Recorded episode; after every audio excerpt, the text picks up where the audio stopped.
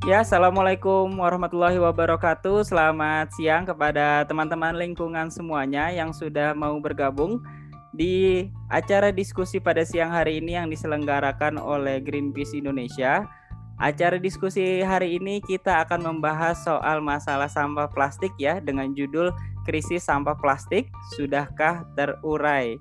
Nah, kenapa diskusi ini menjadi penting untuk kita selenggarakan hari ini? Karena tentu yang seperti kita tahu bersama bahwa masalah sampah plastik ini sudah menjadi masalah yang sangat serius ya di Indonesia ataupun secara khusus di Jakarta. Apalagi kita tahu produksi volume sampah kita yang begitu besar uh, dan kita mengirimkan bisa sampai 7.000 8.000 ton sampah ke Bantar Gebang setiap harinya dan apalagi kita mendapat kabar bahwa TPA Bantar Gebang akan overload ya di tahun depan. Nah, dari volume sampah yang dihasilkan sampah plastik itu kisaran di 10-15 persen. Nah ini sebenarnya menjadi PR tersendiri.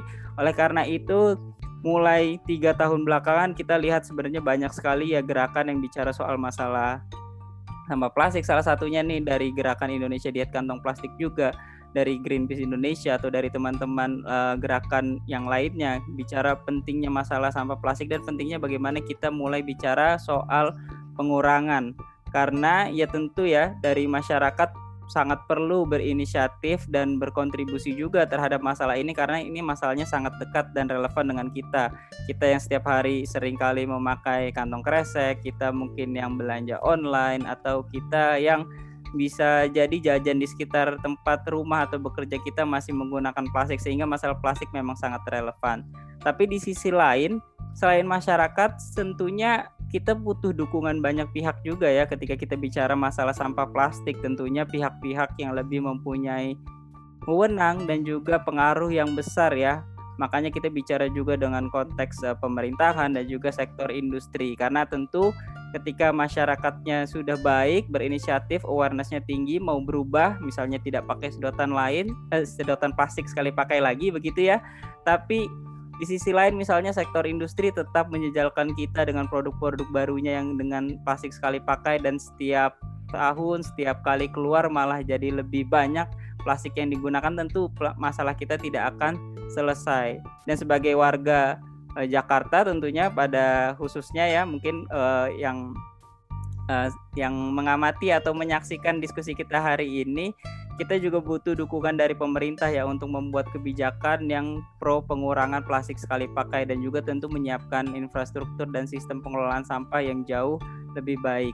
Nah, ini uh, yang menjadi landasan mengapa kita mengadakan uh, diskusi pada hari ini apalagi sekarang di masa-masa pandemi COVID-19 seperti sekarang kita tahu ya ada berita-berita terkait peningkatan sampah plastik baik itu dari sektor rumah tangga baik yang sifatnya memang plastik sekali pakai ataupun mungkin sampah medis. Nah, ini juga menjadi uh, angle menarik untuk kita bahas lebih lanjut. Nah, pada hari ini, pada siang hari ini saya sudah bersama dengan tiga narasumber kita yang akan memaparkan berdasarkan pengetahuannya, pengalamannya, dan juga ekspertisnya terkait masalah sampah plastik uh, sekali pakai. Apakah di masa pandemi ini atau mungkin di tahun 2020 ini kita sudah mencapai progres-progres yang bisa kita apresiasi atau mungkin kita sebenarnya masih sangat jauh dari targetan-targetan yang ingin kita capai secara bersama. Yang pertama, uh, pembicara pertama kita adalah Rahyang Nusantara. Beliau adalah koordinator nasional dari Gerakan Indonesia Diet Kantong Plastik ya.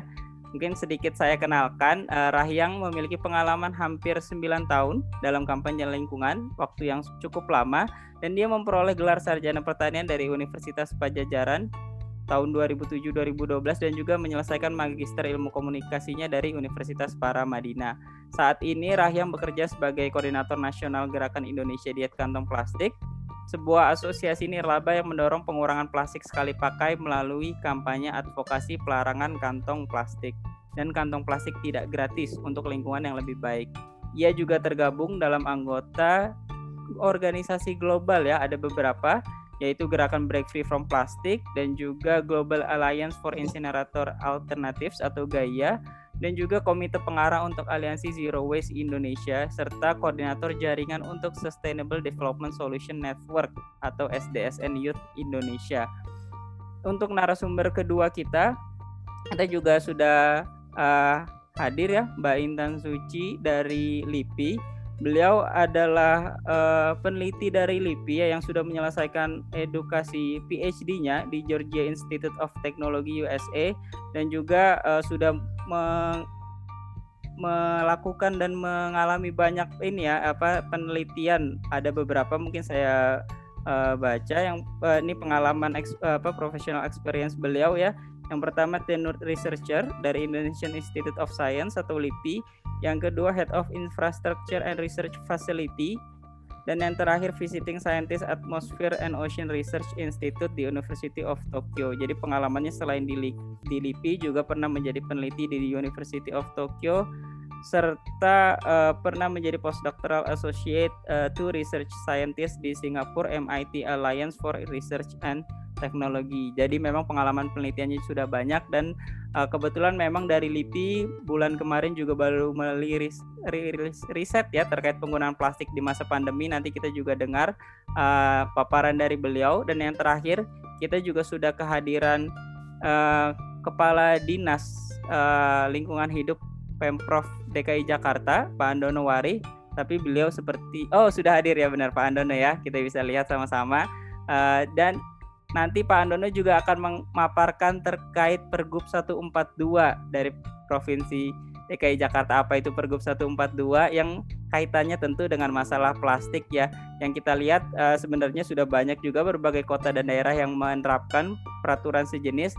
Nah, kita bersyukur sekali Jakarta juga sudah menerapkan dan akan berlaku efektif di bulan Juli ini. Nah, nanti kita mungkin akan mendengarkan paparan juga dari Pak Andono bagaimana perkembangannya apakah masa sosialisasi yang sekitar enam bulan ini sudah berjalan dengan baik atau bisa jadi ada perubahan-perubahan ya terkait uh, eh, COVID-19 seperti ini. Nah, uh, mungkin saya, begitu saja pembukaan dari saya. Sekarang akan saya serahkan kepada ke masing-masing pembicara untuk uh, menjelaskan materi dan paparannya. Kita mulai dari Mas Rahyang Nusantara. Silakan uh, 15 menit kami berikan waktunya. Dipersilakan. Oke, terima kasih Mas Hatta. Assalamualaikum warahmatullahi wabarakatuh. Uh, selamat siang semuanya. Uh, perkenalkan nama saya Rahyang uh, Nusantara dari Gerakan Indonesia di Kantong Plastik. Di sini saya diminta untuk memaparkan mengenai pengelolaan sampah khususnya yang melibatkan industri karena kemarin saya sempat membuat thread di Twitter mengenai beberapa narasi industri yang uh, apa mengecilkan inisiatif uh, pemerintah dan juga masyarakat dalam pengurangan kantong plastik dan itu ternyata uh, cukup viral juga. Jadi saya ingin uh, diajak oleh Greenpeace untuk berbagi di sini. Kira-kira apa sih yang perlu kita perhatikan dalam uh, pengelolaan sampah? Uh, uh, tadi uh, Atta sudah memperkenalkan saya. Jadi saya sudah bekerja di Gerakan Indonesia Diet Kantong Plastik. Kami adalah salah satu organisasi yang memang mempromosikan uh, fokus uh, pengelolaan sampahnya itu di pengurangan. Jadi kami uh, di 2013 uh, membuat petisi uh, untuk uh, mendorong retail modern untuk tidak memberikan kantong plastik secara gratis.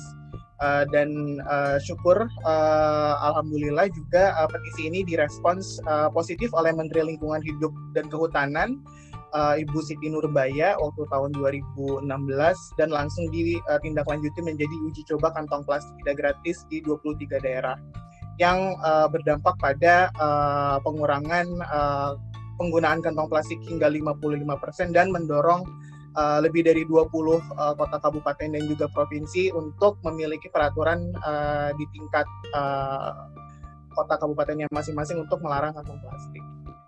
Uh, Gerakan Indonesia Diet, Diet Kantong Plastik sendiri memiliki tiga fokus utama. Yang pertama adalah advokasi. Jadi kita memang uh, bermitra dengan uh, pemerintah daerah, uh, termasuk uh, DKI Jakarta juga, untuk uh, bersama-sama menyusun suatu uh, sistem uh, transformasi regulasi dan juga kampanye untuk uh, pengurangan sampah plastik. Dan juga kami uh, melakukan kerjasama juga dengan uh, berbagai macam pelaku usaha khususnya yang memang menyediakan uh, kantong plastik ataupun uh, plastik sekali pakai seperti uh, pusat perbelanjaan, mall dan juga pasar tradisional.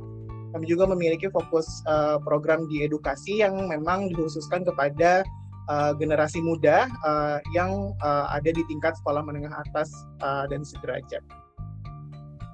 Ya, uh, saya akan langsung masuk saja ke substansi uh, presentasinya. Jadi memang kalau kita lihat uh, di berbagai macam media dan juga uh, penelitian juga banyak yang uh, menyebutkan bahwa memang kondisi lingkungan kita ini sudah banyak dipenuhi uh, oleh sampah plastik di sungai, di laut, uh, bahkan di uh, apa namanya apa pun yang kita konsumsi juga ternyata sudah uh, terpapar oleh yang namanya mikroplastik di ikan, di garam, di sumber air minum dan lain-lain. Kenapa ini bisa terjadi? Sebetulnya uh, uh, ada juga riset yang yang menyebutkan bahwa ternyata memang selama ini sampah plastik kita itu uh, belum tertangani dengan baik.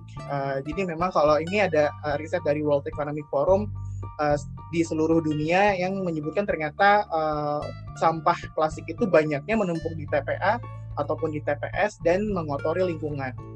Ada yang dibakar secara terbuka juga dan yang didaur ulang secara efektif itu hanya dua persen dan yang didaur ulang dengan uh, kualitas yang uh, tidak lebih baik itu ada sekitar 14%. Di Indonesia sendiri sebenarnya belum ada data yang uh, valid mengenai tingkat daur ulang plastik.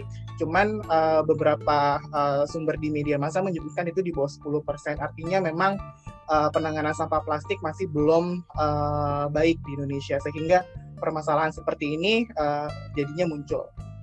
Uh, sedikit informasi mengenai mikroplastik. Jadi memang uh, selain LIPI yang memang juga uh, ada fokus uh, penelitian terhadap uh, mikroplastik, salah satu uh, mitra kami yaitu Ekoton di Gresik juga memiliki uh, riset mengenai uh, mikroplastik khususnya pada ikan. Jadi memang uh, menurut informasi yang dihimpun uh, oleh Ekoton 80% ikan di Sungai Berantas itu uh, terpapar mikroplastik. Dan mikroplastik ini dia akan membawa senyawa kimia menyerap senyawa kimia yang ada di sungai. Dan kalau memang ini uh, ikannya sendiri kan yang biasa dikonsumsi oleh oleh manusia artinya uh, kita juga uh, akan uh, terpapar oleh bahaya-bahaya uh, dari senyawa kimia tersebut.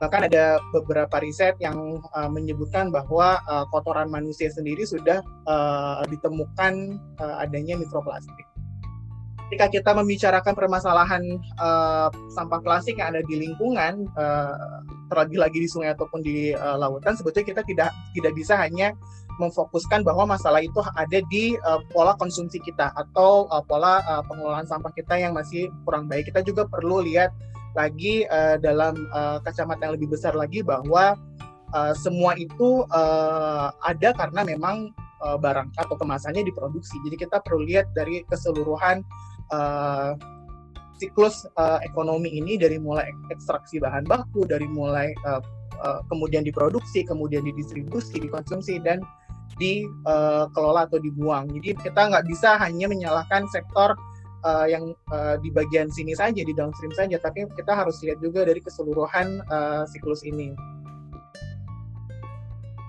Ya, uh, kenapa kita harus melihat keseluruhan siklus ini? Karena ini sesuai dengan konsep pengelolaan sampah yang ada di Indonesia dan ini berdasarkan peraturan yang memang berlaku di sini uh, Undang-Undang uh, Nomor 18, PP 81, PP 97 bahwa di Indonesia peng, uh, pengelolaan sampah itu ada dua, yaitu pengurangan dan penanganan. Dan ini saya sering sering sekali uh, uh, melihat uh, banyak orang yang uh, keliru uh, uh, menyebut bahwa penanganan itu adalah pengelolaan atau pengelolaan itu adalah hanya penanganan dan pengurangan itu uh, di luar itu padahal pengelolaan ada dua yaitu pengurangan dan penanganan. Jadi ketika kita menyebut pengelolaan sampah kita harus lebih spesifik lagi uh, bahasan mana yang kita sedang bicarakan apakah bahasan pengurangan atau penanganan sehingga kita bisa uh, lebih spesifik lagi uh, membicarakan konteksnya. Uh, dan uh, di sini juga uh, di peraturan-peraturan tersebut juga sudah dijelaskan bahwa setiap uh, pihak juga memiliki peranan sesuai dengan uh, perannya masing-masing, sesuai dengan memang bidangnya masing-masing. Uh, pemerintah juga tentunya karena pemerintah yang mengeluarkan peraturan ini dan uh, pemerintah juga punya uh, tugas dan kewajiban uh, dan juga wewenang untuk memang menegakkan peraturan ini supaya bisa dilakukan dan juga uh, dampaknya juga bisa dihitung uh, setidaknya kalau uh, terkait uh, sampah plastik atau penggunaan plastik ini setidaknya uh, ada empat uh, peraturan yang yang yang bisa kita uh, acu. Undang-Undang 18 2008 tentang pengelolaan sampah, uh, PP 81 2012 tentang pengelolaan sampah rumah tangga dan sejenis uh, rumah tangga, Perpres tentang Jakseranas, dan juga Permen LHK yang baru saja keluar mengenai peta jalan pengurangan sampah oleh produsen. Uh, nah, produsen sendiri sebetulnya sudah uh, dijelaskan juga di peraturan-peraturan ini uh, memiliki kewajibannya masing-masing. Salah satunya adalah uh, mengenai extended producer responsibility. Istilah teorinya adalah uh, bagaimana produsen bisa mengambil kembali uh, kemasan atau produk yang setelah dikonsumsi oleh konsumen supaya dia bisa daur ulang lagi. Uh, akademisi peneliti pakar juga memiliki peran salah satunya dijelaskan di PP 81 untuk pengembangan dan penerapan teknologi. Masyarakat juga di sini juga punya peran juga bagaimana bisa uh, menjalankan uh, perannya dalam mendukung peraturan-peraturan uh, ini uh, dan juga kalau uh, kita bisa juga mengontrol sebetulnya dan mengawasi uh, penegakan peraturan dan bisa memberikan uh, masukan kepada pemerintah mengenai peraturan-peraturan ini. Uh, sedikit saya bisa uh, sebutkan beberapa inisiatif pengurangan uh, yang, dilak yang dilakukan oleh produsen dan kita juga uh, cukup sering lihat ini ada beberapa uh, toko uh, apa namanya perawatan tubuh yang juga menyediakan uh, refill. Ini juga salah satu upaya pengurangan karena akhirnya kita bisa mengurangi botol-botol uh, plastik uh, dan ini uh, yang saya cantumkan di sini adalah uh, salah satu gerai di Plaza Senayan Utama Spice ya, jadi kita bisa uh, uh, isi ulang sampo sabun uh, mosquito repellent juga dan juga beberapa retail sekarang udah mulai uh, berbayar. Kalau dulu uji coba, sekarang mereka punya inisiatif uh, sendiri kebijakan dari masing-masing untuk berbayar dan di beberapa kota itu sudah dilarang. Uh, seperti DKI Jakarta nanti 10 Juli akan uh, dimulai uh, uh, tidak boleh lagi uh, retail, pasar dan mall untuk tidak untuk menyediakan kantong plastik. Restoran-restoran uh, juga sudah mulai uh, menyediakan uh, sedotan plastik, uh, gerai uh, cepat saji, uh, warung kopi dan lain-lain itu juga sudah mulai banyak yang uh, menyediakan alternatif ini. Selain pengurangan juga ada penanganan. Salah satunya adalah uh, ada beberapa gerai uh, brand kecantikan yang memang uh, sudah lebih peduli untuk um, mengambil kembali kemasan yang uh, dari konsumen dan mereka akan daur ulang itu.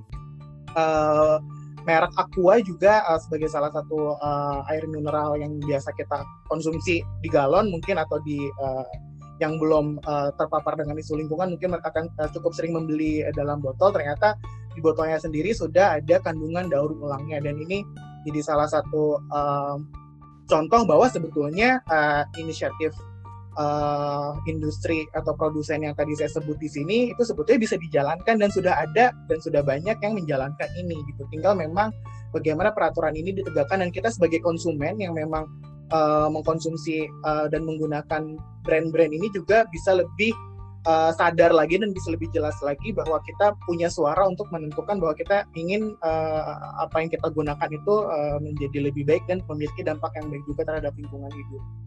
Namun uh, ada juga beberapa isu yang sebetulnya perlu kita kritisi dan kita uh, perlu uh, bahas juga sebetulnya karena uh, ketika uh, kita uh, ingin mengurangi uh, plastik sekali pakai, kita di LSM dan juga teman-teman uh, aktivis lingkungan lainnya juga uh, banyak banyak yang uh, merekomendasikan bahwa yang yang terbaik adalah menggunakan uh, barang uh, atau uh, kemasan yang bisa digunakan berulang kali pakai. Tapi ada narasi-narasi yang menyebutkan bahwa uh, produk atau kemasan yang sekali pakai itu uh, meng, uh, membutuhkan uh, energi dari uh, fossil fuel ataupun uh, air yang lebih sedikit ketimbang uh, kemasan atau produk yang uh, apa namanya uh, bisa digunakan berulang kali. Secara dihitung oleh life cycle assessment sebetulnya memang demikian, tapi nggak pernah uh, ada uh, narasi yang berimbang bahwa yang uh, produk atau kemasan sekali pakai ini ketika dikonsumsi dan ketika dibuang itu justru uh,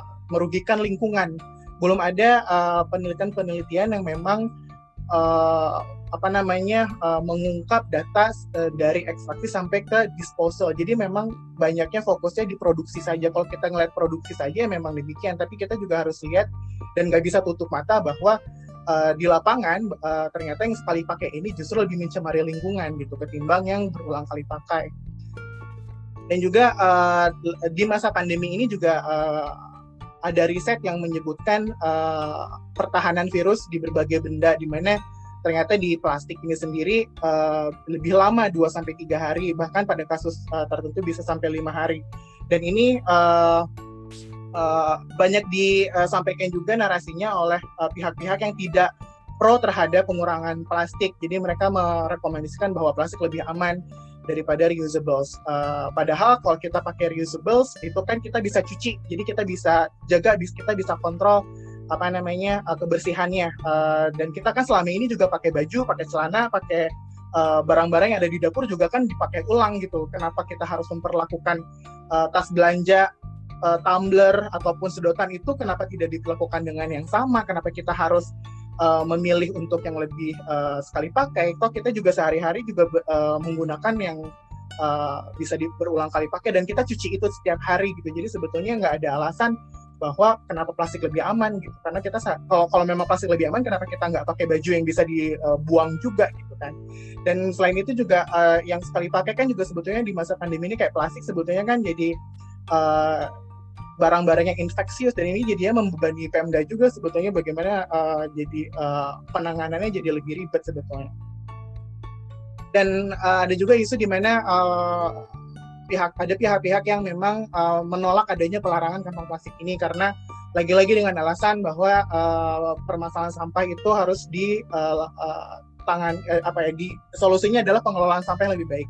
Lagi-lagi saya uh, ulangi lagi bahwa pengelolaan pengelolaan sampah itu ada dua penanganan dan uh, pengurangan dan yang kita uh, bicarakan dalam pelarangan kantong plastik ini adalah pengurangan bukan penanganan. Jadi kita harus lebih spesifik uh, dan lebih kritis lagi uh, melihat informasi ini. Dua-duanya harus berjalan, pengurangan dan penanganan harus berjalan uh, beriringan. Nah, uh, kabar baiknya adalah ketika uh, kita menuju new normal ini sebetulnya banyak informasi infografik uh, new normal starter kit yang justru pro terhadap uh, gaya hidup yang menggunakan uh, produk atau kemasan uh, pakai ulang seperti di uh, Kemenhub membuat uh, infografik untuk new normal starter kit di mana mem mempromosikan bahwa alat makan sendiri. Kemenkes juga uh, merekomendasikan bahwa botol minum sendiri bahwa uh, masker kain yang bisa digunakan uh, berulang kali bawa peralatan makan pribadi juga gitu. Jadi di sini nggak ada uh, yang uh, merekomendasikan uh, single use. Mungkin tisu termasuk single use. Uh, tapi tapi kan itu bukan plastik ya uh, beberapa media juga dan di kantong plastik juga kita uh, membuat beberapa infografis yang bagaimana sebetulnya ketika kita lagi di masa pandemi ini tapi kita ingin tetap menggunakan atas guna ulang kita kita ingin menggunakan semua produk atau kemasan yang bisa kita gunakan ulang. Jadi memang ada protokol-protokol uh, uh, pencegahan yang memang harus kita ikuti di masa ini di mana salah satunya adalah kita harus sering uh, apa namanya uh, mencuci itu supaya uh, produknya juga tetap bersih dan kita juga tetap terjaga kesehatannya dan uh, apa yang bisa dilakukan sebetulnya uh, diet kantong plastik bersama dengan Greenpeace dan teman-teman yang lainnya juga kita sedang membuat uh, pawai bebas plastik versi digital. Tahun kemarin kita uh, melakukan ini di uh, seputaran Jalan Tamrin hingga ke Monas di mana kita ada tiga dimensi yang sebetulnya kita yang kita uh, sampaikan yang pertama adalah kita uh, mendorong dan mendukung pemerintah untuk bisa melarang plastik sekali pakai yang kedua adalah uh, mendorong dan membantu pemerintah untuk memperbaiki sistem tata, tata kelola sampah, khususnya pada uh, sektor penanganan sampah. Bagaimana pengumpulan sampahnya juga uh, sudah mulai baik dan juga ada stimulus terhadap uh, para pendaur ulang juga. Dan yang ketiga adalah uh, produsen dan pelaku usaha juga bertanggung jawab terhadap sampahnya dengan cara mengambil kembali sampah pasca konsumsi dan kemudian didaur ulang uh, melalui proses yang juga aman bagi kesehatan dan lingkungan. Kita juga secara pribadi bisa bisa memiliki komitmen juga dengan uh, tetap uh, apa namanya konsisten untuk bawa tas belanja sendiri, tetap konsisten untuk bawa botol minum sendiri, konsisten pakai masker uh, berulang kali uh, uh, dan juga uh, jangan lupa untuk tetap menjaga kebersihan daripada barang-barang uh, dan juga kemasan pakai ulang sendiri. Uh, terakhir saya juga ingin menyampaikan uh, apresiasi kepada pemerintah uh, daerah yang juga sudah uh, pro terhadap upaya pengurangan dan pelarangan kantong plastik ada 26 daerah uh, dan uh, uh, kita akan uh, apa namanya dalam waktu kurang lebih dua minggu lagi DKI Jakarta ibu kota Republik Indonesia, ibu kota kedua di ASEAN setelah uh, Bangkok di Thailand yang yang akan melarang uh, peng uh, penggunaan kantong plastik di uh, mall, uh, toko modern dan juga pasar tradisional.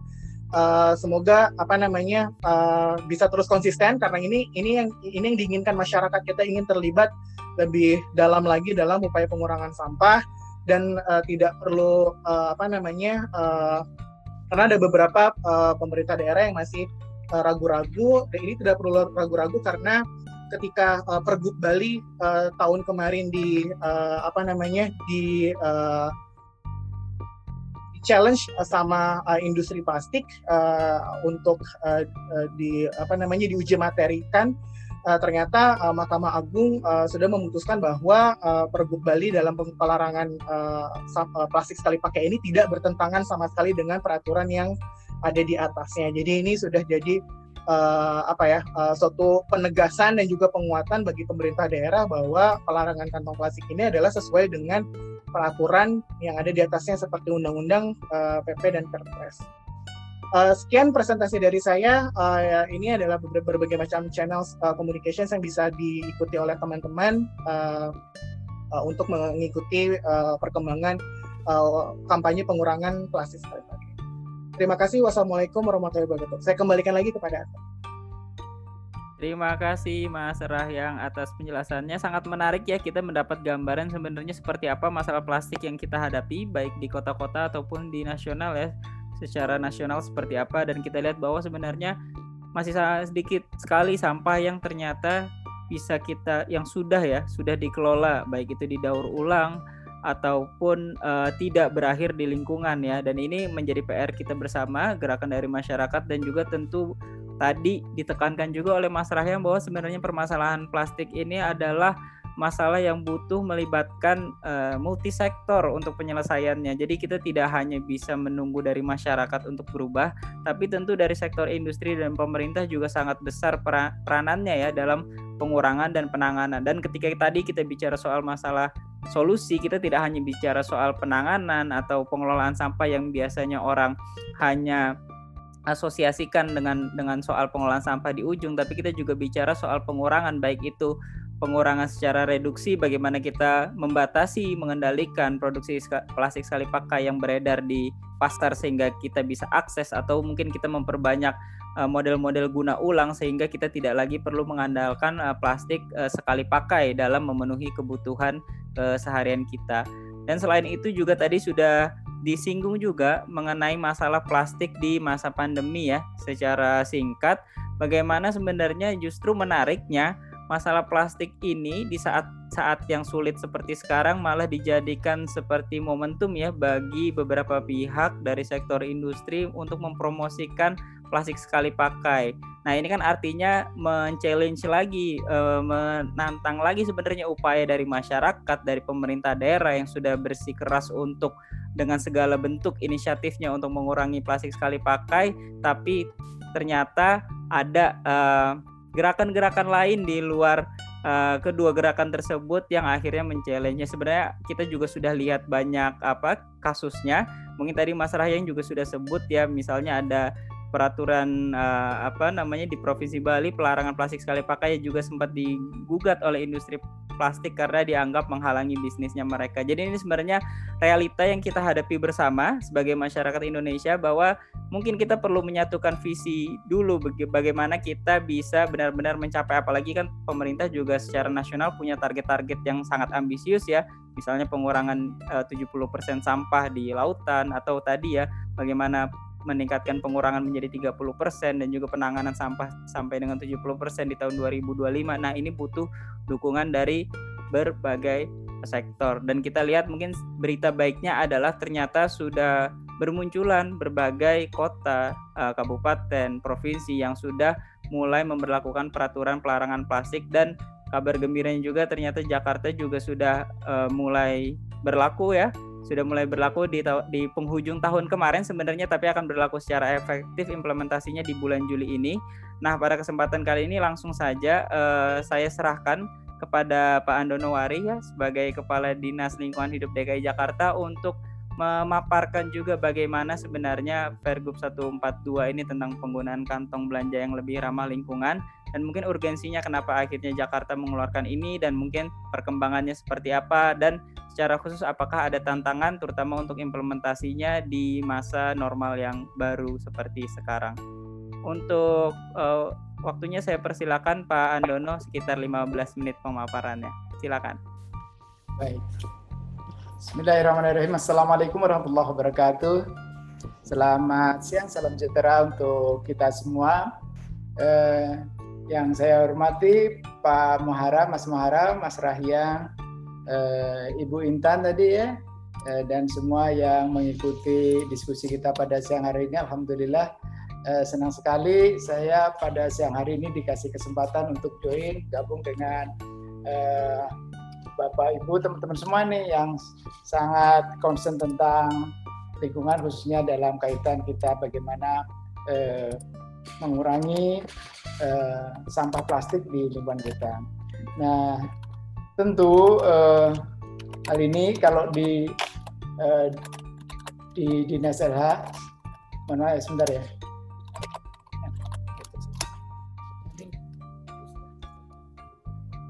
Oke. Okay. Uh, Baik, uh, ada beberapa slide yang kita sudah uh, siapkan sebetulnya ini. Tapi intinya gini, ya kita bicara tentang uh, uh, apa namanya uh, kebijakan penggunaan kantong belanja ramah lingkungan nih di DKI Jakarta. Sebagaimana teman-teman yang sudah ketahui ikuti di berbagai media kami, sosialisasi kami bahwa sudah diundangkan peraturan gubernur nomor 142 tahun 2019 uh, tentang kewajiban penggunaan kantong belanja ramah lingkungan pada pusat perbelanjaan, toko swalayan dan pasar rakyat. Nah, uh, diundangkannya sendiri sebetulnya tanggal uh, mulai tanggal 1 Januari. Uh, namun di dalam kebijakan tersebut, peraturan gubernur tersebut uh, disampaikan uh, mulai berlaku efektifnya per 1 Juli 2020. Sehingga ada waktu enam bulan untuk kami di Dinas LH ini terus melakukan komunikasi dan uh, sosialisasi juga uh, berdiskusi dengan uh, banyak stakeholder yang terkait dengan hal ini. Nah, Adapun tentu tadi salah satu yang ditanya kira-kira apa sih urgensinya kita mendorong kebijakan yang dituangkan dalam Pergub 142 ini. Uh, bisa di next slide-nya.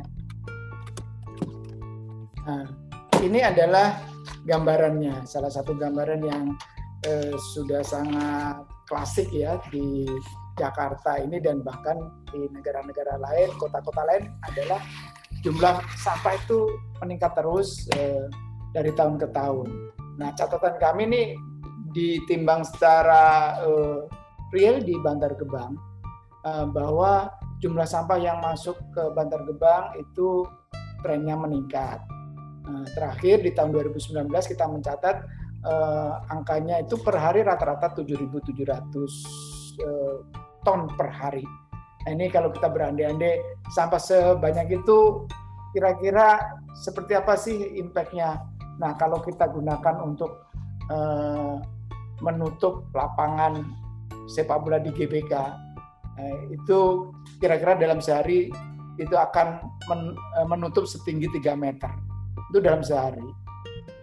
Ya, jadi gimana kalau kita dalam setahun dan seterusnya. Nah, dan yang menarik adalah catatan kami 34 persennya di Bantar Gebang itu kalau kita teliti eh, komposisinya eh, berupa plastik yang 34 persen itu. Saat ini di Bantar Gebang itu sudah tertimbun sebanyak 39 eh, ton juta ton sampah di ada yang di, dari Bantar di Bantar Gebang ya sudah terakumulasi dari tahun 1986-an sampai sekarang itu sudah tertimbun di sana itu Eh, sebanyak 39 juta ton. Nah, kalau kita lihat komposisinya mungkin yang organik dan sebagainya kan terurai. Tapi yang plastik masih stay di sana dan saat ini kalau kita lihat eh, komposisinya adalah 34 persen. Dan kemudian urgensi keduanya tentu uh, kita melihat sampah plastik ini kami mencoba melakukan pendataan. Uh, jumlah penggunaan plastik sekali pakai di DKI Jakarta ini survei atau penelitian kami sampling di tahun 2018 itu cukup besar juga.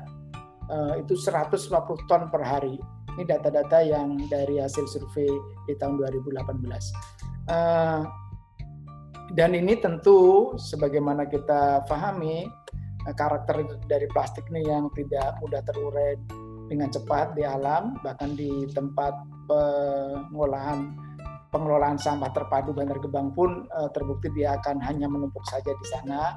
Maka ini menjadi concern yang kedua juga bahwa apa namanya jumlahnya juga setiap harinya rata-rata sangat besar kemudian uh, di masa pandemi ketika kami mencatat adanya penurunan jumlah sampah yang kita angkut di Bantar Gebang, tapi justru di tempat penampungan sementara kami itu terdeteksi bahwa komposisi dari plastiknya meningkat.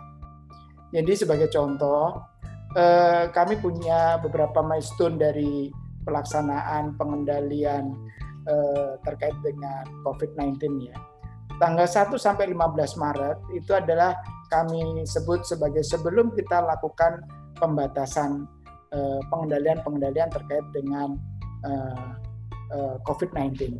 Kemudian kita tahu mulai tanggal 16 Maret di DKI Jakarta itu dimulai kebijakan untuk pengendalian, yaitu kita sudah mulai meluncurkan kegiatan-kegiatan bekerja dari rumah, beribadah di rumah, Eh, kemudian belajar dari rumah, sekolah dan lain sebagainya, mulai 16 Maret di Jakarta sudah mulai dikurangi aktivitasnya. Kemudian per tanggal 10 April kita saksikan PSBB secara resmi diterapkan di DKI Jakarta. Sampai tanggal 4 Juni kemarin uh, diberlakukan PSBB transisi. Dari ketiga milestone itu kita lihat jumlah sampahnya ada tendensi berkurang. Sebagai contoh di tanggal 1 sampai 15 Maret itu rata-rata per hari 9.300 ton per hari.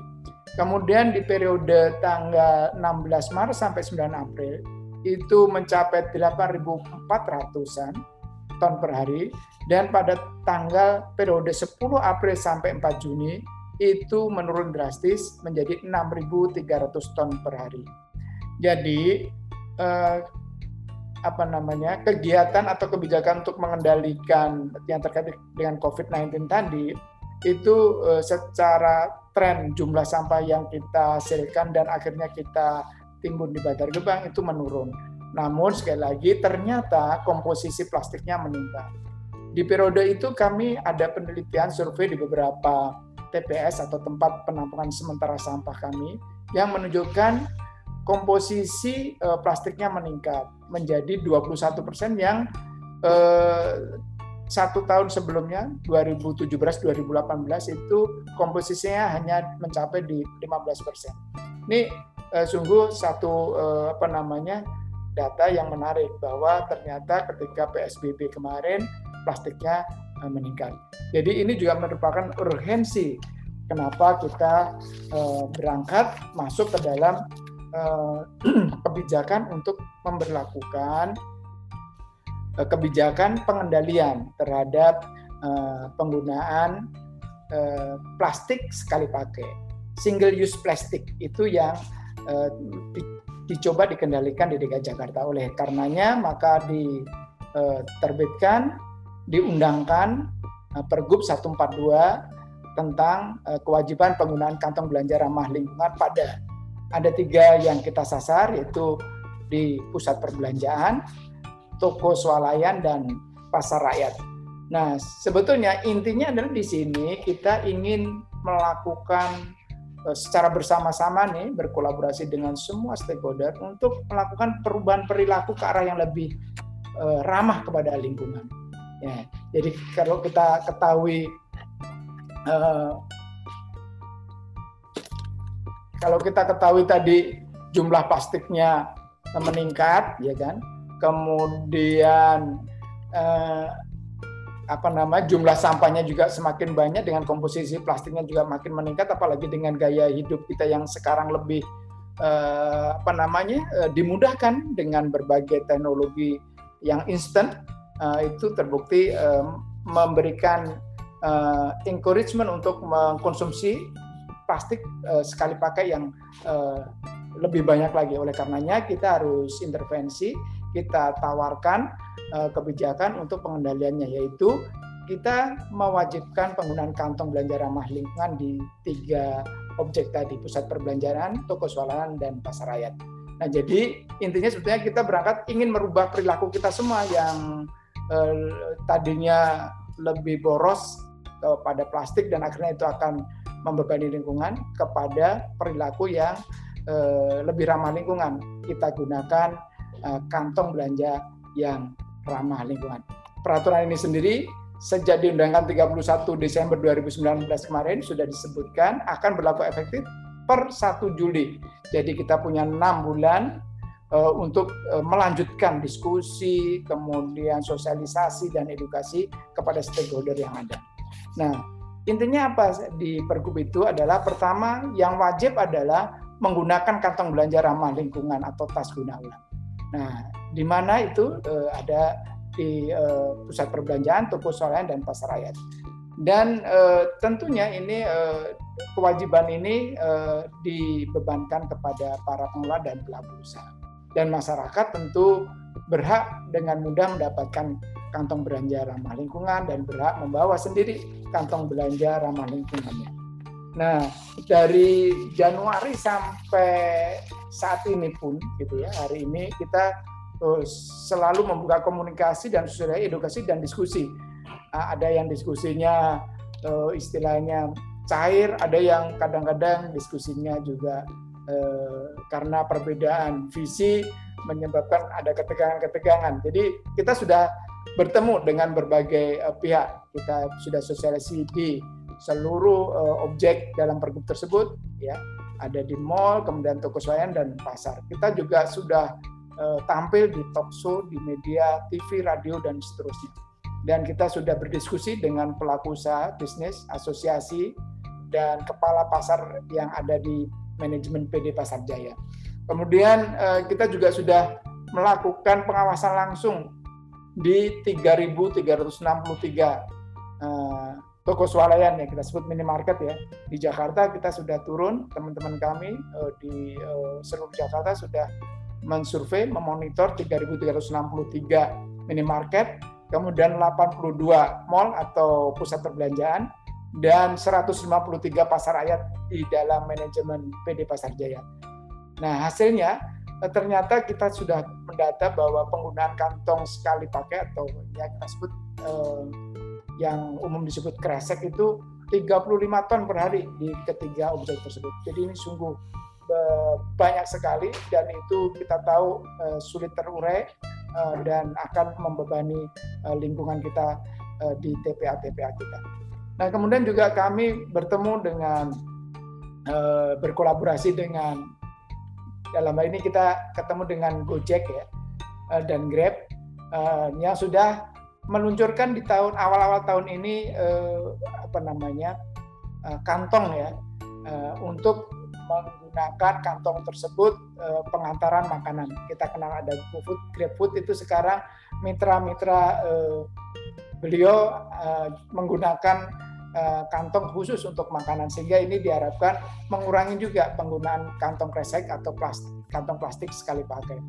Juga kita eh, melakukan campaign di banyak uh, titik di mall kemudian minimarket untuk keberlakuan dari Pergub 142 2019 tersebut.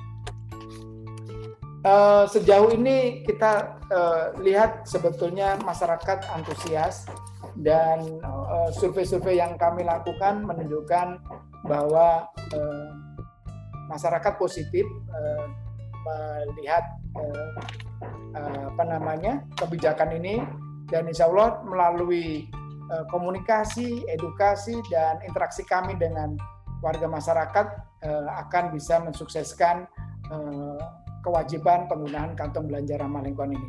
Di beberapa uh, toko swalayan, merek uh, toko swalayan tertentu sudah kita saksikan kalau kita ke sana kita nggak akan dikasih uh, kantong kresek.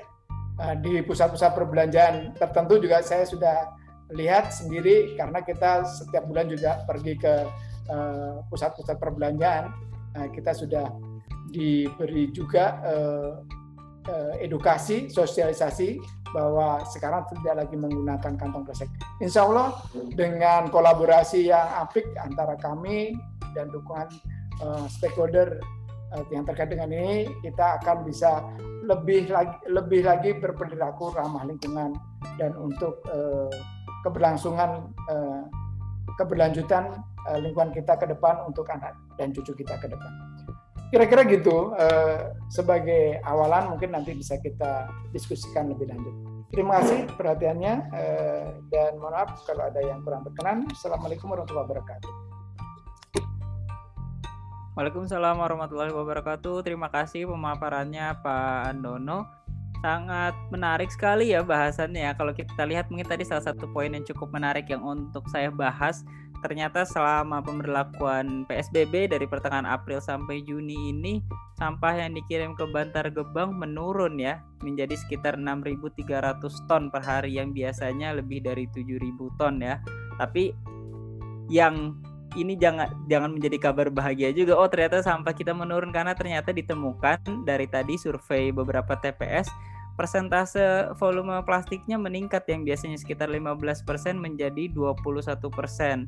Nah, ini sebenarnya menjadi PR kita tersendiri juga karena kalau kita pikir-pikir bisa jadi sampah ini menurun karena memang banyaknya aktivitas yang terhenti ya di tempat-tempat yang memang biasa memproduksi sampah secara besar baik itu di perkantoran, baik itu mungkin di rumah makan, di tempat-tempat publik umum lainnya seperti hotel dan sebagainya. Jadi ini menjadi PR juga karena ternyata ada catatan tersendiri bagi peningkatan sampah di uh, rumah tangga ya. Ini tentu peran masyarakat sangat terlibat ya. Dan kita sama-sama mendukung untuk peraturan gubernur yang akan diimplementasikan di 1 Juli ini supaya memang kita bisa mengurangi uh, penggunaan plastik sekali pakai ya dari kantong plastik utamanya dan kita berharap sebenarnya dari kantong plastik ini nanti kita bisa beralih juga ke produk-produk plastik yang lainnya seperti mungkin sedotan, styrofoam, lalu saset dan kita berharap sebenarnya peraturan ini bisa menjadi pintu masuk yang baik bagi kita perubahan perilaku kita apalagi sebenarnya masa new normal ini menjadi momentum yang sangat baik ya bagi masyarakat juga untuk mengubah perilaku untuk lebih aware dengan kesehatan tentunya dan juga dengan lingkungan. Kita jadikan sebenarnya ini momen yang tepat ya bersama-sama untuk mengubah perilaku kita ke arah yang lebih baik yang lebih berkelanjutan dan kita juga sebenarnya uh, senang begitu Pak Andono bilang ternyata masyarakat cukup antusias ya dan kita berharap ini memang realitanya yang terjadi di lapangan supaya apa yang sudah direncanakan dan akan diimplementasikan ini tidak hanya berakhir begitu dimulai ya karena tidak ada yang mendukung untuk melakukannya gitu. Kita berharap ini bisa berjalan dengan baik. Nah, uh, sebelum kita ke Mbak Intan, ke pembicara ketiga kita, mungkin saya ingatkan kepada teman-teman yang menyaksikan, baik eh, teman-teman media ataupun masyarakat umum, teman-teman lingkungan semua, baik melalui Zoom ataupun melalui YouTube, yang memiliki pertanyaan bisa langsung uh, menuliskan pertanyaannya di kolom chat di Zoom ataupun melalui uh, di uh, kanal YouTube Greenpeace Indonesia ya bisa langsung dituliskan nanti kita akan coba jawab dan kalau misalnya ada pertanyaan yang secara spesifik ditujukan kepada salah satu narasumber juga tolong disebutkan apakah ingin dijawab oleh Pak Andono, uh, Mas Rahyang ataupun Mbak Intan. Kalau tidak mungkin nanti akan di baik itu dijawab bisa jadi semuanya ikut menjawab ataupun mungkin akan saya refer saja ke salah satu narasumber. Dan kalau misalnya memang pertanyaan yang masuk nanti cukup banyak, uh, mohon maaf kalau misalnya pertanyaannya tidak terpilih untuk kita jawab sekarang ya, karena tentu waktu kita yang terbatas sampai pukul 14.30 kurang lebih ya sesuai dengan jadwal yang kita publikasikan kemarin. Nah, sekarang uh, kita beralih ke Mbak Intan Suci Nurhati, peneliti dari LIPI yang sudah mungkin punya banyak riset dan pemaparan data ya terkait masalah plastik ini baik di masa pandemi ataupun uh, di situasi sebelum ini. Nanti kita coba dengarkan paparan dari Mbak Intan. Silahkan, uh, saya persilakan waktunya sekitar 15 menit. Baik, uh, terima kasih Mas Atta dan Greenpeace. Uh, selamat siang juga Pak Andono, Mas Rahyang. Tadi menarik sekali ya, saya juga uh, belajar hal baru dari paparan panelis sebelumnya. Baik, saya share screen dulu.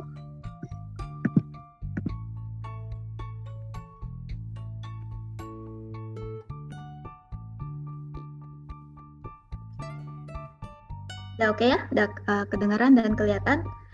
Oke, okay, uh, eh, nama saya Intan uh, dari LIPI, Pusat Penelitian Oceanografi LIPI, dan kami ingin share hasil penelitian terkait sampah plastik dan pandemi, terutama kaitannya dengan uh, memonitoring di lingkungan, seperti tadi uh, yang Pak Andono juga paparkan, dan juga terkait persepsi masyarakat.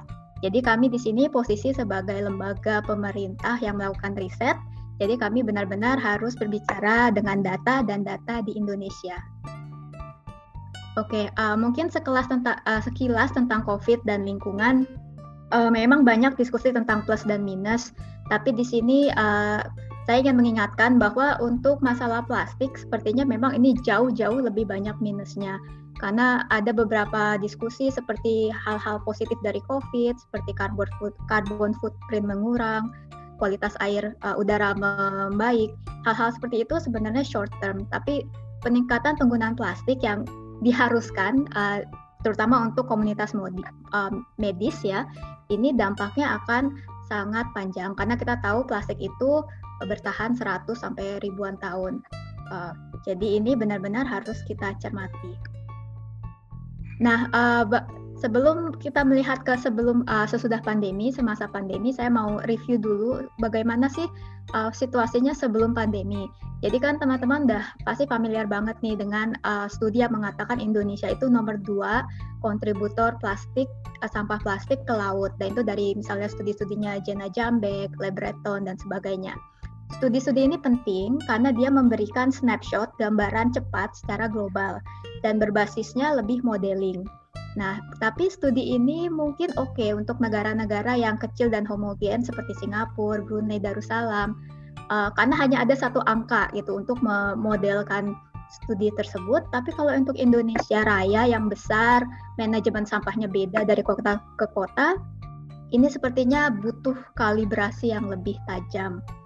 Oleh karena itu, kami di LIPI melakukan institu monitoring baik di muara sungai maupun uh, maupun di uh, pantai-pantai. Uh, nah, ini contoh dari studi tahun lalu yang kami publish di kawasan Jakarta. Jadi kami memonitor sampah selama satu tahun di sembilan muara Jakarta di sini. Uh, studinya bisa sudah dipublish dan simple bahasanya, jadi uh, saya encourage untuk uh, dibaca lebih lanjut. Tapi secara garis besar ini yang kami temukan bahwa uh, secara jumlah 59% dari sampah yang mengalir ke Teluk Jakarta itu berupa plastik. Seperti uh, jadi ini gambarnya dari uh, papernya. Berdasarkan jumlah itu ya hampir setengahnya plastik. Berdasarkan berat uh, karena plastik lebih ringan ya, dia agak sedikit uh, jumlah persentasenya.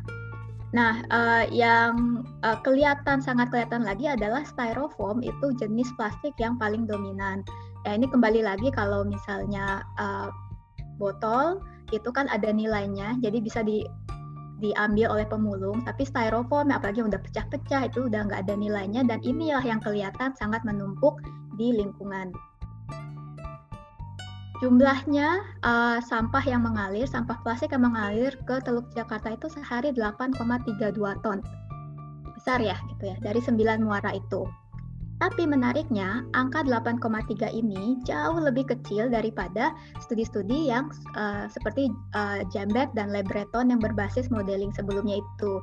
Jadi angka 8,3 ini 8 kali lebih kecil daripada studinya Jena Jambek, 16 kali lebih kecil daripada studinya Lebreton. Jadi intinya lagi kembali, kita harus benar-benar menghasilkan, dibicara dengan data di Indonesia.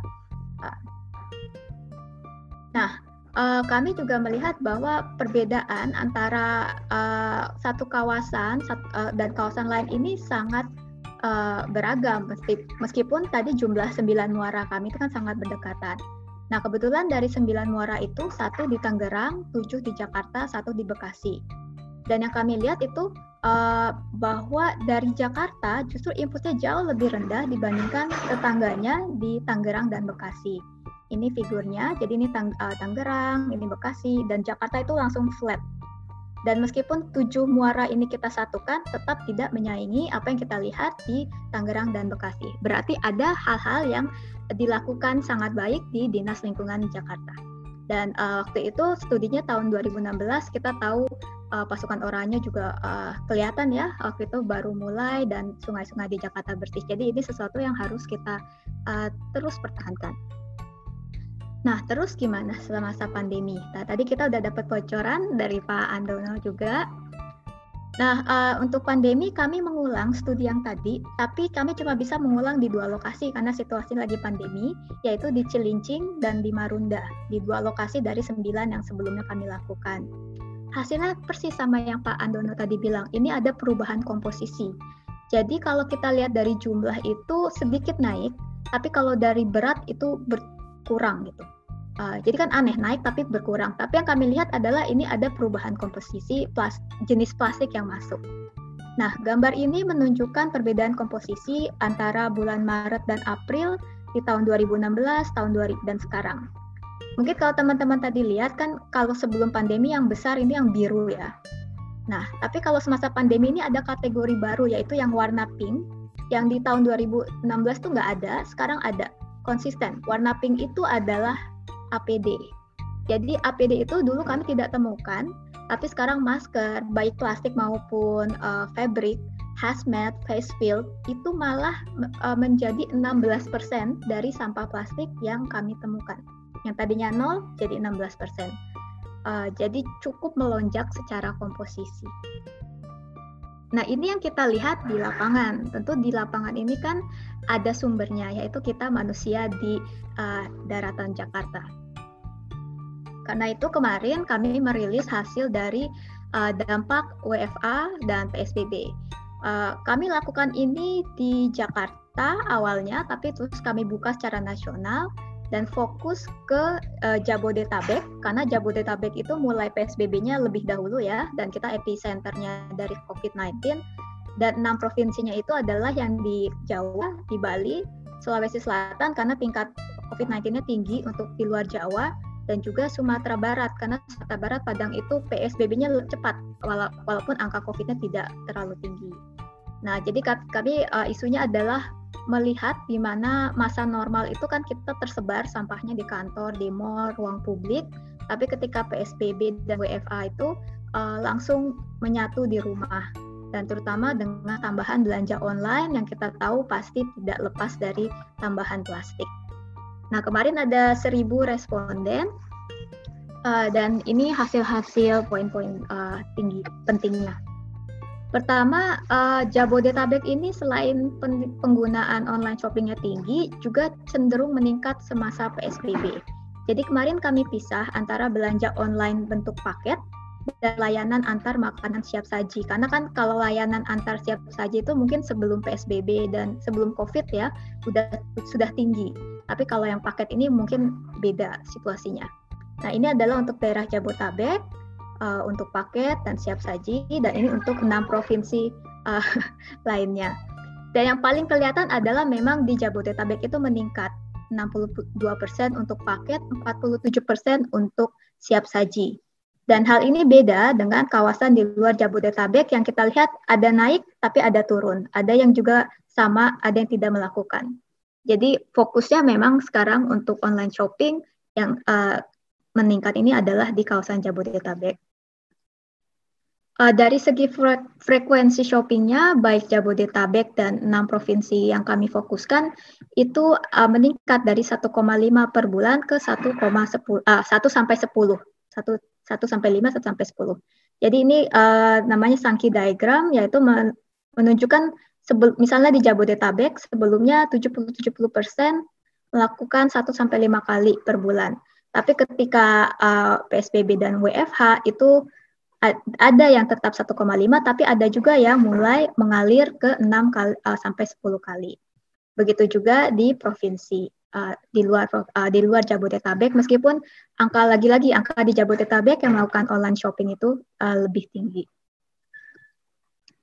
Nah, uh, untuk barang-barang yang dibeli, uh, makanan dan disinfektan ini sangat paling laris lah istilahnya. Makanan nggak cuma makanan saji, tapi makanan kering, makanan kaleng, juga makanan basah seperti daging dan sayuran itu langsung naik.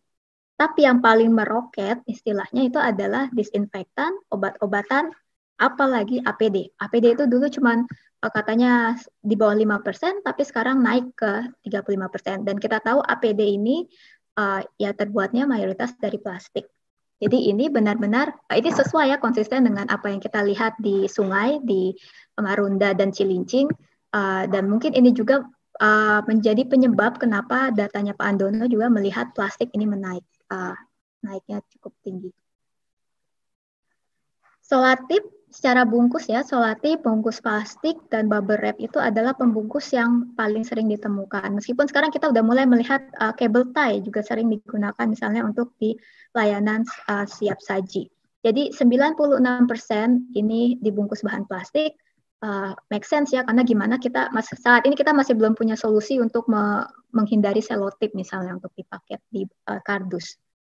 Nah, di kawasan Jabodetabek yang online shoppingnya meningkat, bahkan sampah plastik dari pembungkusnya sendiri, dari paketnya itu menyaingi sampah dari kemasan. Jadi kalau misalnya beli kasih contoh misalnya beli sampo, samponya dibungkus plastik, kecuali kalau belinya tadi di toko yang uh, Mas Rah yang bilang, Uh, nah itu nanti dikirim dengan paket online dan tambah lagi ada bubble wrap, ada segala macam, malah jadi plastik yang sampai di rumah dua kali lebih besar daripada biasanya. Jadi uh, bungkus plastik, bubble wrap mungkin kita punya strategi, cuman selotip ini saya lihat masih agak susah ya.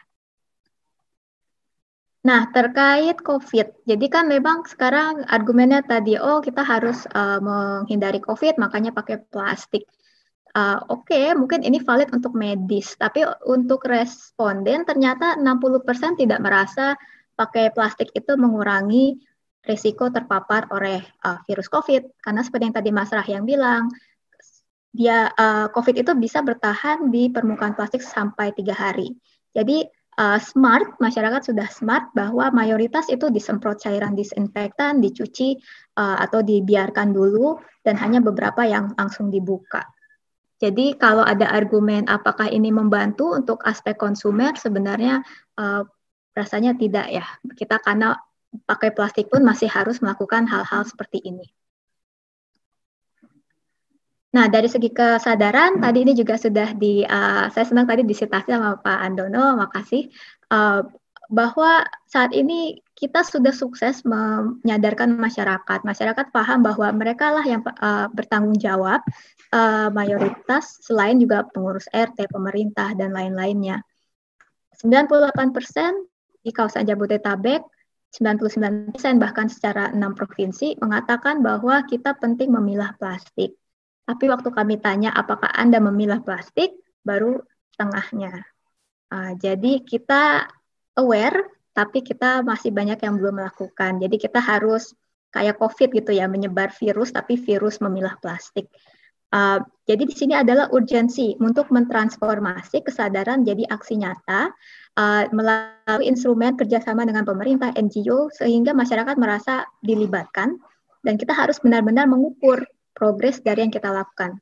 Banyak intervensi terhadap plastik. Jadi kami ingin benar-benar intervensinya ini dilakukan dengan baseline data sebelumnya dan sesudahnya. Karena kalau kami kalau tidak melakukan itu kita uh, susah ya menilai apakah kita melakukan progres apa tidak. Padahal resource yang kita uh, curahkan untuk isu ini sudah cukup besar. Nah, akhir ceritanya uh, memang uh, ada selama pandemi ini ada kecenderungan untuk mengurangi recycle, mengurangi reuse plastik, walaupun angkanya uh, slide, uh, nggak terlalu tinggi ya, karena memang angkanya ini awalnya juga tidak terlalu tinggi, dan kecenderungan untuk langsung dibuang. Plastik itu langsung dibuang tanpa digunakan kembali, tanpa di-recycle. Dan kita tahu bahwa mayoritas sampah kita ini larinya ke TPA. Jadi makin kita tidak mengolah uh, dari aspek uh, hilir ini, makin uh, beban TPA ini semakin tinggi. Karena saat ini memang overwhelmingly kita masih membuang ke TPA seperti angka yang luar biasa tadi yang Pak Andono sebutkan. Oke, jadi kemarin uh, kami ini agak unik yang in, studi ini kami biasanya kan kami publish dulu baru kami share gitu. Tapi karena isunya sangat urgent, kita lagi PSBB kemarin dan pandemi juga sepertinya akan lama, teman-teman bakal online shopping ya uh, dan online shopping juga penting sebenarnya lakukan untuk UMKM dalam aspek ekonomi, tapi kita butuh lebih aware, lebih environmentally friendly uh, saat ini ada loh penjual yang benar-benar environmental friendly tapi harganya tinggi.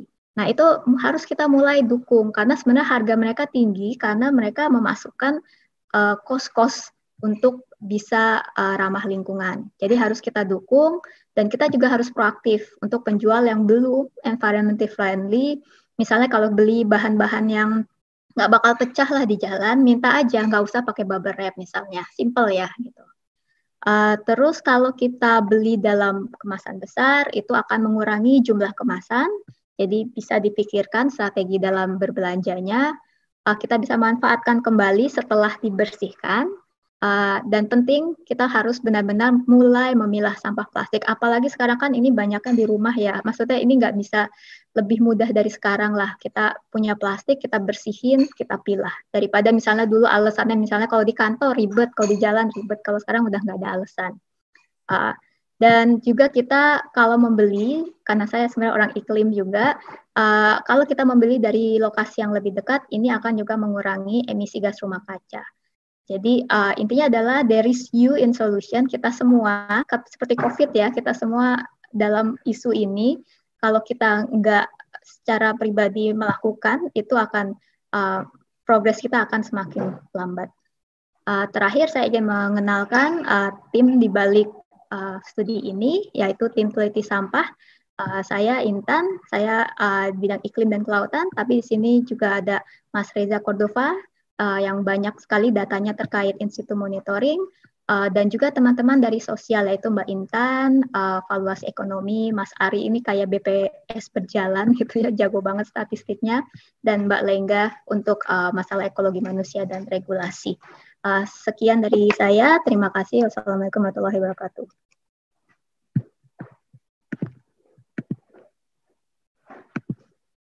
Waalaikumsalam warahmatullahi wabarakatuh. Terima kasih Mbak Intan Suci Nurhati. Penelitiannya sangat menarik ya, banyak juga data-data yang dipaparkan. Mungkin saya akan beberapa coba highlights beberapa poin yang cukup menarik untuk kita ulang kembali.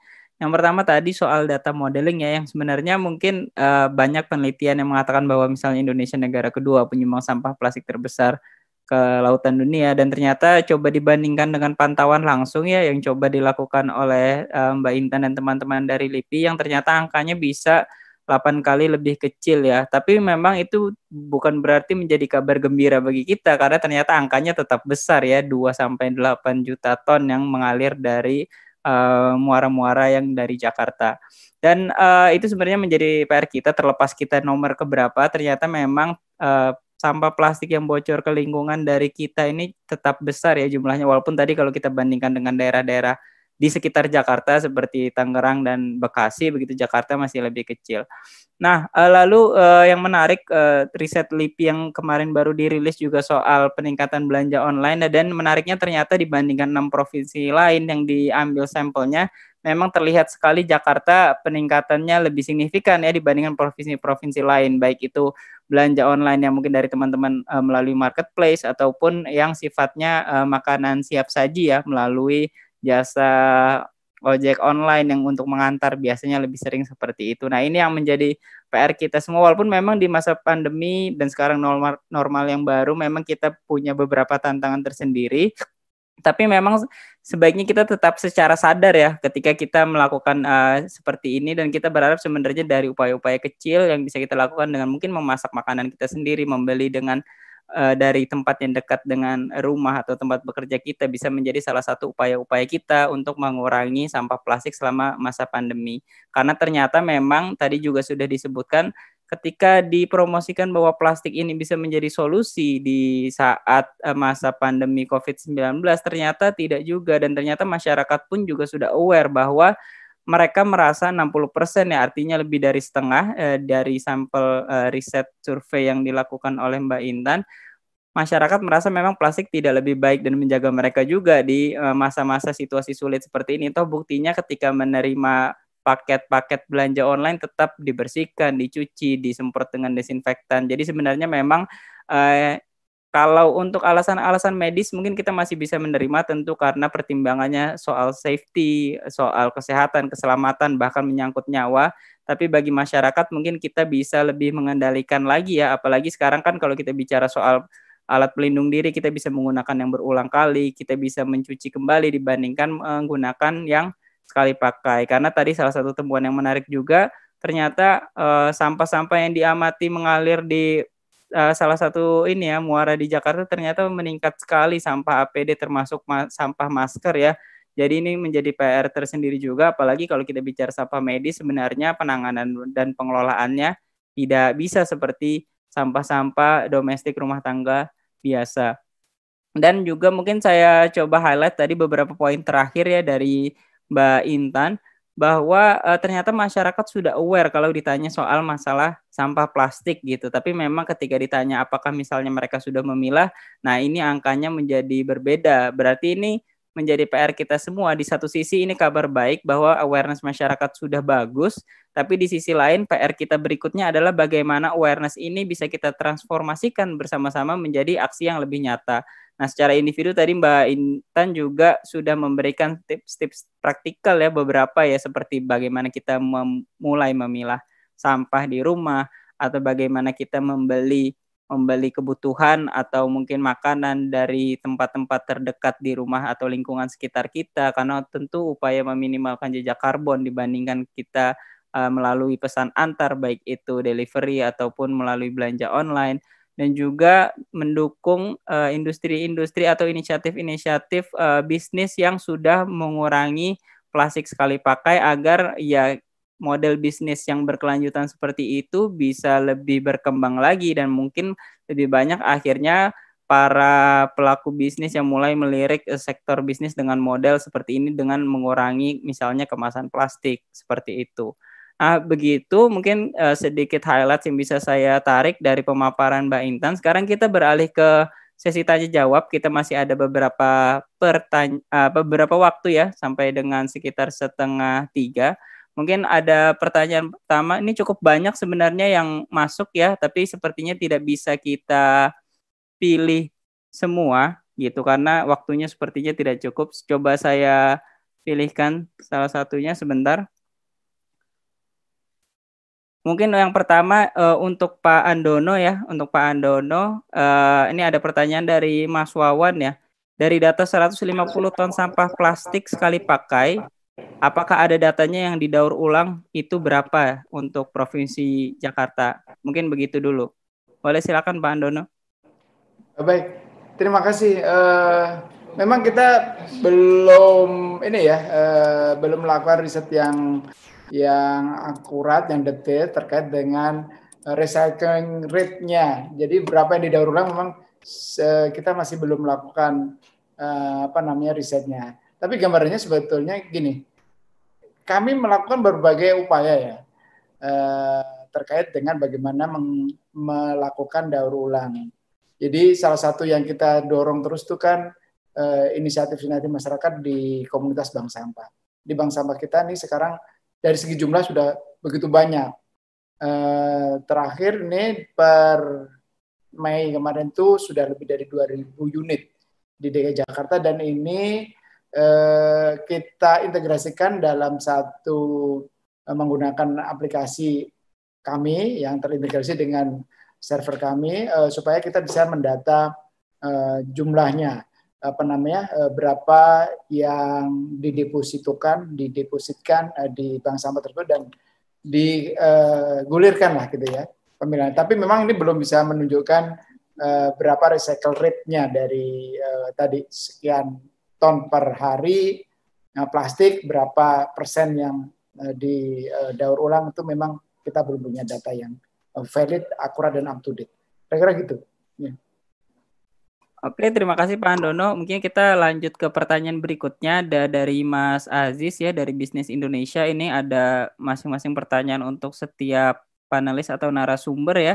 Ini yang pertama, izin bertanya terkait peningkatan awareness masyarakat, baik itu penjual atau pembeli dalam hal penggunaan kantong belanja sekali pakai. Bagaimana kemudahan mendapatkan kantong belanja yang ramah lingkungan dan ketersediaannya yang mudah. Ini harus menjadi keniscayaan karena selama kantong kresek lebih mudah didapat dan tentunya lebih murah, bisa jadi masyarakat tentu banyak cuek dan lebih memilih uh, kantong kresek tersebut ya karena lebih mudah didapat. Nah, kalau dari sisi pembeli, termasuk saya, kadang masih sering lupa bahwa kantong belanja yang ramah lingkungan. Apa pendapat Mas Rahyang dan Mbak Intan untuk mengatasi hal ini? Mungkin itu dulu, silakan. Uh, Mas Rahyang dulu, boleh silakan. Oke, uh, terkait KBRL ya. Jadi uh, ini memang kok sebetulnya kalau untuk di uh, supermarket yang besar uh, akses kita untuk mendapatkan KBRL cukup mudah karena uh, banyak supermarket, uh, minimarket, uh, dan juga hypermarket itu uh, menyediakan kantong belanja uh, yang bisa digunakan berulang kali uh, yang dijual dengan berbagai macam harga dan berbagai macam ukuran sesuai dengan kebutuhan kita. Kita juga sebetulnya bisa memilih kalau memang belanjaan kita cukup banyak, kita sebetulnya bisa memilih untuk menggunakan kardus uh, apa namanya sebagai uh, wadah belanjaan. Uh, tapi sebetulnya karena kan, uh, apa kampanye pengurangan kantong plastik ini kan sudah cukup lama ya, sudah uh, dari 10 tahun yang lalu sebetulnya jadi uh, sebetulnya sudah banyak uh, saya yakin sudah banyak masyarakat yang sudah punya kantong belanja yang bisa digunakan berulang kali tinggal uh, benar-benar dicari uh, lagi dipakai lagi dan dibiasakan untuk selalu bawa itu sendiri.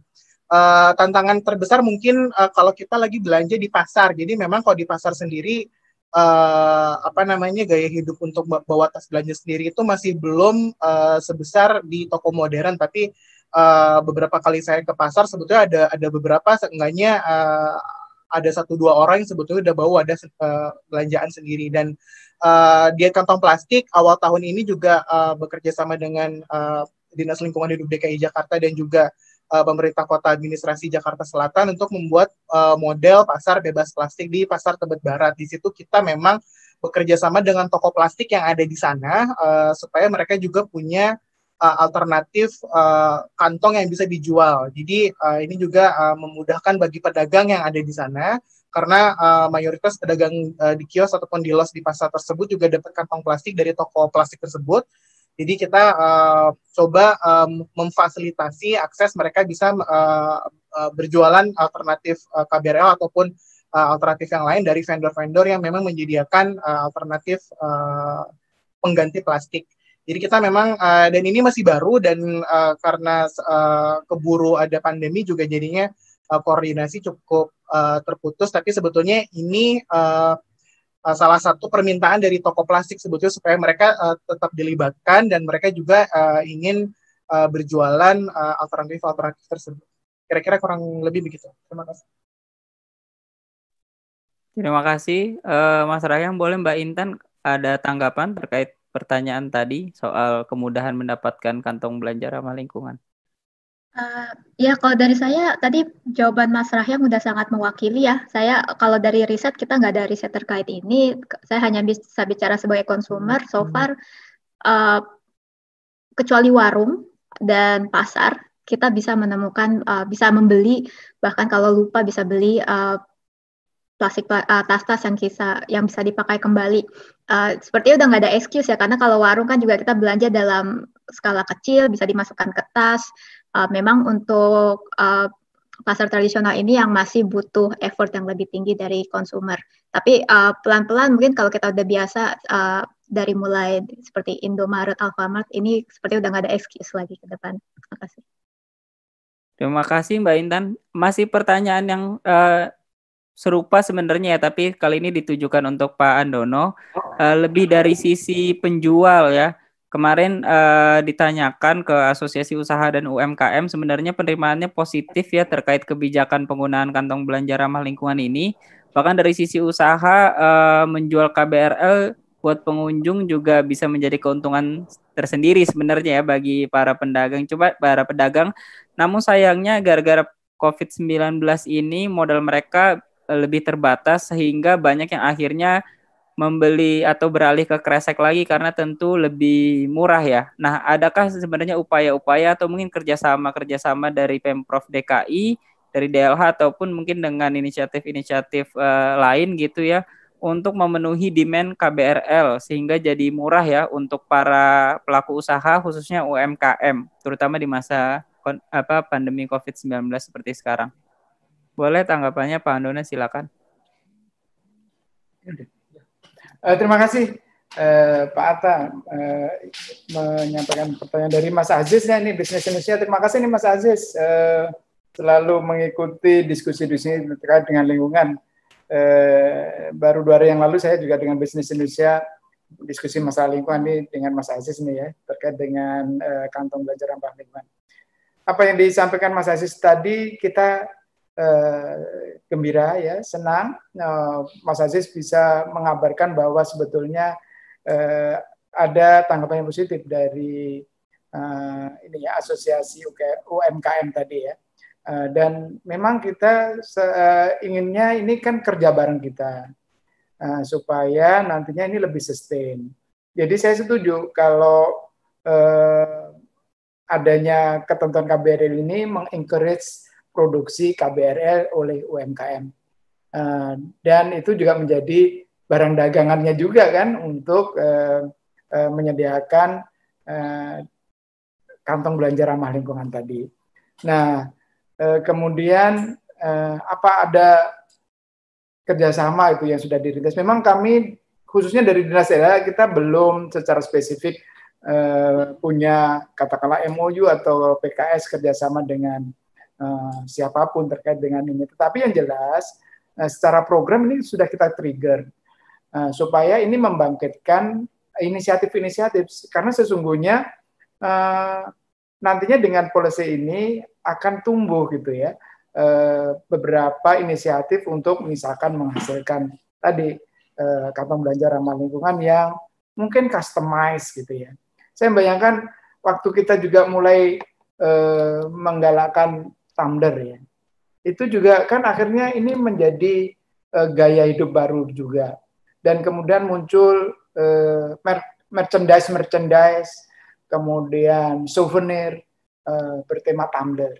Nah nanti bayangan saya dengan gerakan yang dipicu oleh uh, uh, kebijakan kantong belajar ramah lingkungan di Jakarta ini juga akan muncul nih kreativitas-kreativitas. Saya membayangkan uh, pengusaha uh, eh, UMKM terutama yang milenial ini juga sudah menangkap uh, momentum ini dan akan menurunkan menghasilkan eh, produk-produk uh, yang senada dengan uh, kebijakan ini. Ramah lingkungan kemudian dia juga akan lebih uh, bisa kreativitasnya bisa dihasilkan uh, melalui produk-produk uh, KBRL jadi sekali lagi kita uh, senang dengan kabar tadi dan kita akan mengeksplor manakala kita bisa uh, lakukan kerjasama kerjasama uh, untuk mensukseskan uh, eh, KBRL ini tentu uh, kami sangat terbuka untuk melakukannya. Sebagaimana tadi salah satunya kita sudah meluncurkan tumbler dan ini berhasil diikuti oleh uh,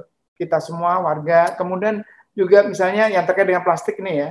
Uh, setahun lalu kita juga Pak Gubernur uh, juga mengencourage penggunaan besek sebagai ganti dari uh, kantong kresek untuk uh, pembungkus daging hewan korban.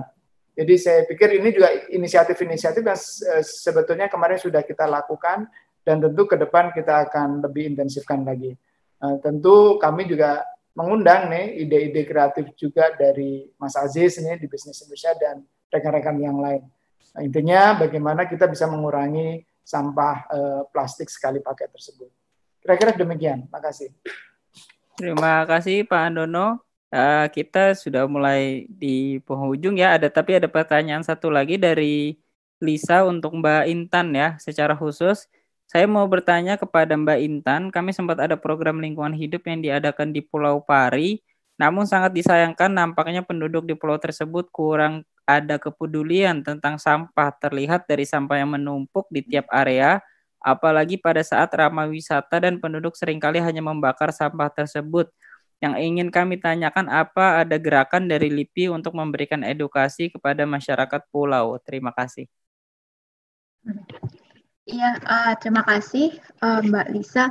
Uh, Kalau dari LIPI, kami sudah punya stasiun sebelumnya di Pulau Pari, cuman uh, lebih fokusnya ke terumbu karang gitu kan, penanaman mangrove dan sebagainya. Tapi saya tahu di daerah tersebut misalnya banyak juga NGO, mis contohnya aja Diverse Clean Action gitu ya, yang uh, mengajak masyarakat untuk membersihkan dari pantai atau bahkan menyelam. Uh, memang tadi seperti poinnya Mas Rahyang ya ini dimul harus dimulai dari awalnya bukan hanya pengelolaannya gitu setelahnya. Memang kalau dari observasi kami di Pari uh, di Kepulauan Seribu lah ya uh, masih banyak sampahnya kecuali memang itu ditangani cepat oleh uh, uh, pasukan oranye. Jadi kebetulan kami pernah filming di sana di Kepulauan Seribu untuk isu sampah dan uh, saya salut waktu itu sama uh, pasukan oranye yang sangat-sangat sigap. Jadi kami itu untuk men-shooting sampah itu harus sebelum pasukan oranye itu bangun. Jadi ketika mereka bangun pagi-pagi pun itu udah langsung bersih gitu. Jadi tapi kembali lagi ini uh, bukan sesuatu yang harus kita bebankan ke pemerintah, di ke manajemennya. Tadi saya setuju dengan poinnya Mas Rahyang bahwa ini kembali ke masyarakat yang mengurangkan. Nah, biasanya ini kembali ke harus diputarkan ya circular ekonominya kalau di Kepulauan Seribu itu isunya kan tourism, masyarakat itu pemasukannya banyak dari pariwisata. Jadi mungkin kita harus masuknya dari sini. Uh, kalau pari kalau uh, kotor, bah, pariwisatanya itu juga akan menurun. Uh, masyarakat akan kurang ingin ke daerah yang kotor. Jadi ini yang uh, saya, saya pikir masyarakat pasti mau untuk uh, sadar, tapi butuh dorongan-dorongan uh, ekonomi dikaitkan dengan uh, perut ya, dikaitkan dengan perut bahwa kalau Anda care, ini uh, akan membuat uh, ekonomi Anda lebih sustainable. Mungkin strateginya ke arah situ. Oke, terima kasih Mbak Intan uh, dan semua narasumber atas jawabannya. Sebenarnya masih banyak pertanyaan yang masuk dan juga saya lihat sedikit tadi diskusi di kanal YouTube Greenpeace Indonesia sangat ramai ya perbincangannya. Tapi memang sayangnya tidak bisa kita bahas semua pada kesempatan kali ini karena waktu kita yang terbatas. Nah, sekarang saya minta sedikit closing statement ya dari masing-masing narasumber. Mungkin uh, bisa dengan menjawab pertanyaan sebenarnya seberapa efektif sih peraturan pelarangan kantong plastik sekali pakai? Mungkin bisa di-share juga pengalaman dari uji coba kantong plastik berbayar yang sudah kita lakukan di 2016-2017 atau mungkin dari kota-kota lain jika jika mungkin Pak Andono atau Mas Rahyang atau Mbak Intan punya pembelajaran yang bisa disampaikan atau bahkan di kota-kota di negara lain ya yang sebenarnya sudah lebih dulu mulai terkait pembatasan plastik sekali pakai yang biasa dimulai oleh Kresek. Mungkin boleh itu sebagai closing statement. Untuk pertama saya serahkan ke Mas Rahyang. Boleh singkat saja silakan. Ya, terima kasih. Uh, efektif uh, apa tidaknya menurut saya efektif banget karena pembelajaran di Inggris yang yang pengurangan kantong plastiknya hanya lewat uh, berbayar saja, dia bisa klaim bahwa uh, uh, pesisir atau kawasan pantainya mereka sudah uh, sangat sedikit lagi uh, dari sampah plastik uh, dibandingkan sebelum kantong plastiknya berbayar. Uh, di Indonesia sendiri waktu uji coba 2016 kemarin pengurangan konsumsi bisa 55 persen uh, untuk kantong plastik saja dan uh, kita uh, apa namanya uh, perlu mendorong lagi new normal ini dengan kampanye reuse revolutions uh, karena uh, dengan kita lebih uh, sering menggunakan produk dan juga kemasan yang bisa digunakan berulang kali pakai, insya Allah uh, sungai dan laut kita juga akan terbebas dari sampah plastik dan juga mikroplastik. Sekian dari saya. Terima kasih Mas Rah. Yang berikutnya boleh Pak Andono dipersilakan closing statementnya. Baik, apakah ini efektif? Saya optimistis efektif. Uh, apalagi kalau kita semua berkomitmen. Jadi mulai dari diri kita, mulai dari sekarang tidak menggunakan kantong kresek, kantong belanja plastik sekali pakai. Mulai dari kita, mulai dari sekarang. Terima kasih. Terima kasih Pak Andono. Silakan terakhir Mbak Intan.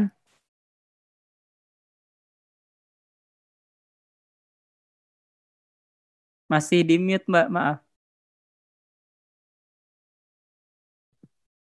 Ya, kalau dari saya memang uh, seperti inisiasi yang Greenpeace lakukan hari ini kan ya, kita dari berbagai macam instansi, pemerintah, NGO, riset, artinya apa? Memang kita harus bahu-membahu dan kita harus mengapresiasi apa yang dilakukan oleh uh, rekan-rekan uh, kita di sektor lain.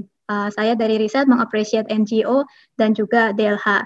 Dan menurut saya inisiatif untuk Jakarta melalui regulasi it's, it's never it's never fast in government ya. Government itu pasti ada uh, ada kelambatannya, tapi suatu inisiasi yang sudah uh, melarang uh, penggunaan kantong plastik sekali pakai yang di inisiasi oleh pemerintah Jakarta ini harus harus kita dukung uh, karena nggak semua kota uh, seberani ini. Jadi kalau kita nggak dukung pemerintah, uh, siapa lagi? Terima kasih. Oke, sekali lagi terima kasih kepada semua narasumber kita yang sudah menyempatkan waktunya kurang lebih satu setengah jam untuk sharing uh, pengalaman ekspertisnya terkait masalah ini dan kita semua berharap supaya masalah sampah plastik di Jakarta dan juga di Indonesia ya secara umum bisa lebih cepat teratasi dan kita bisa mencapai targetan-targetan yang sebenarnya juga sudah ditetapkan oleh pemerintah kita. Untuk informasi memang diskusi kali ini sepertinya cukup menarik ya di kanal YouTube kita tembus 100 orang yang menyaksikan pada saat ini. Jadi kita berharap juga ada teman-teman media di sini yang bisa membantu menginformasikan kepada masyarakat lebih luas tentang progresnya seperti apa, challenge-nya seperti apa dan butuh dukungan dari masyarakat juga tentu tadi berbagai narasumber juga sudah menyampaikan untuk mendukung kebijakan yang baru berlangsung dan akan berlangsung efektif di 1 Juli ini untuk Jakarta Jakarta terkait penggunaan kantong belanja ramah lingkungan dan juga inisiatif-inisiatif mandiri yang bisa mulai dilakukan dari rumah ya, dari mulai memilah, mendukung produsen atau atau bisnis yang lebih sustainable, bagaimana kita mulai apa namanya mengurangi penggunaan kantong plastik sekali pakai kita dari belanja online ataupun delivery dan lainnya. Begitu saja dari saya sebagai uh, Pembawa acara pada siang hari ini saya Ata juru kampanye urban dari Greenpeace Indonesia. Uh, dengan ini menutup acara diskusi kita pada siang hari ini. Terima kasih kepada semua narasumber dan juga semua pendengar yang menyaksikan baik melalui Zoom ataupun YouTube Greenpeace Indonesia. Assalamualaikum warahmatullahi wabarakatuh. Selamat siang. Terima kasih sekali lagi ya Pak Andono ya, Rahyang, Mbak Intan ya. Ke depan